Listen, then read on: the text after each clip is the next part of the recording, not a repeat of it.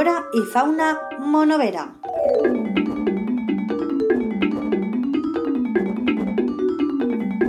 Amb Adrián Alberola.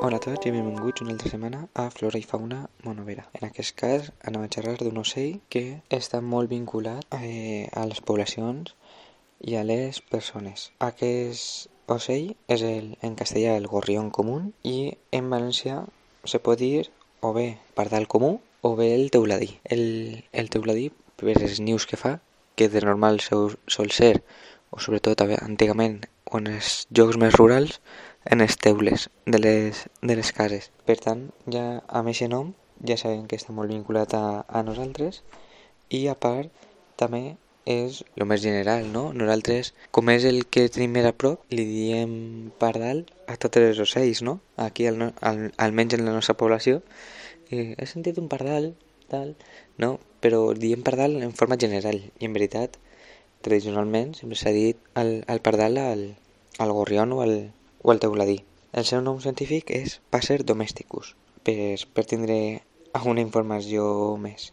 Aquest ocell viu tot l'any amb, amb nosaltres, i vull dir que no se'n va a ningú lloc ni emigra ni res. És un aspecte robust, voluminós, encara que sigui un ocell xicotet d'uns 15 centímetres més o menys de longitud. A part té un, un plomatge amb, amb tons així més pardos, més, més amarronats, no? amb una marca, amb unes eh, llistes negres, eh, i després, depenent de si és època reproductora o no, poden canviar un poc eh, aquestes tonalitats, no? sobretot del, del torso o inclús del, del pic. Eh, a més, eh, dir-vos que en, eh, aquí és prou comú, encara que eh, any darrere any pareix que estigui desapareixent sobretot en les grans ciutats. Aquí a Monover també hi ha gent que ha comentat que s'han vist eh, menys teruladins i se veu que la tendència general a nivell nacional aquí en Espanya era que vagi baixant poquet a poquet. Però, per exemple, en altres llocs del món, eh, segons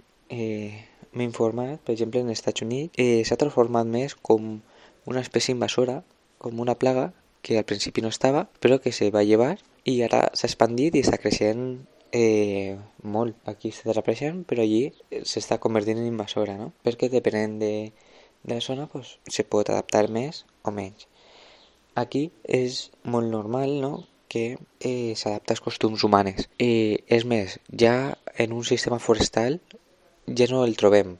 En llocs que hi ha casetes rurals, pedanies, amb camps de cultiu a prop sí que se poden trobar fàcilment, però el que és un medi natural més, més verge eh, ja, no el, ja no el trobem, està molt vinculat a nosaltres amb el sentit de que eh, se menja eh, els nostres restes, no? si a nosaltres es cau el pa o els esmorzars en els patis dels col·legis, aquest és el primer que va a, a menjar-se-los o els insectes que tenim vinculats aquí, mosquits i demés, pues solen ser eh, de, lo que se, de lo que més s'alimenta, no? de tot el que nosaltres eh, anem deixant per ahí. Eh, a part d'estos de, restes, no? la seva dieta de normal és, és, és granívora, que menja llavors de, o bé fruites o bé també algunes baies d'espècies de jardineria que tenim en el poble. Eh, però també eh, té una dieta d'origen animal, no? és prou omnívor, en el que solen ser insectes que arreplega per en terra,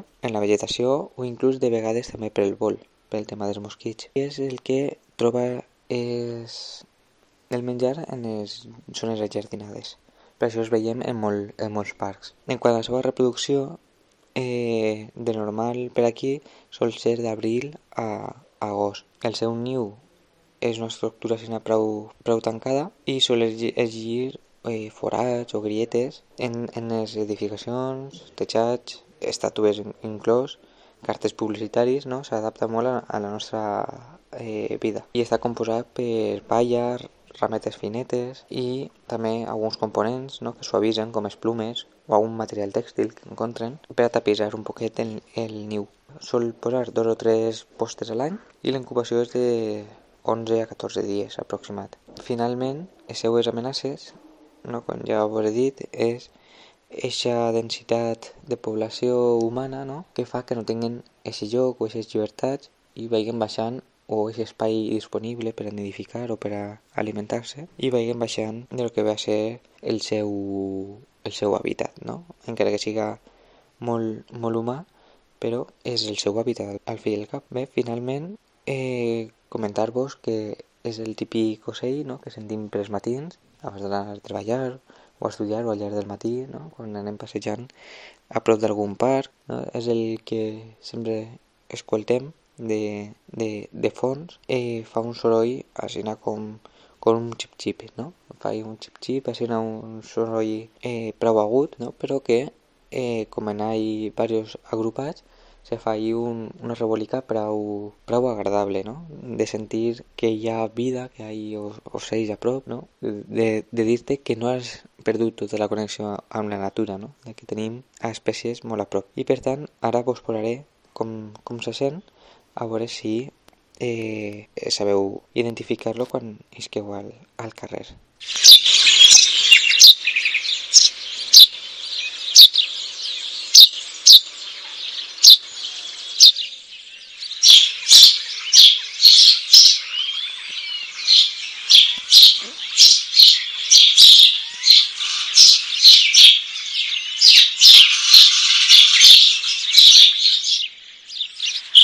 Finalment, aquí el, el teniu, a este gorrión común, el teuladí o el pardal, no? diguem-lo així, i si vos l'he presentat i espero que vos l'haiga agradat perquè és el més antropocitzat, el que més vinculat a nosaltres està i el que més història té al nostre, al nostre voltant. Així que ens veiem en el pròxim programa i espero que us hagi agradat.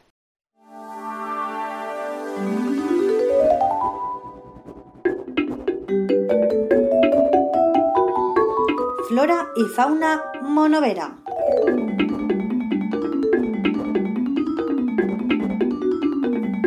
Amadrián Alberola.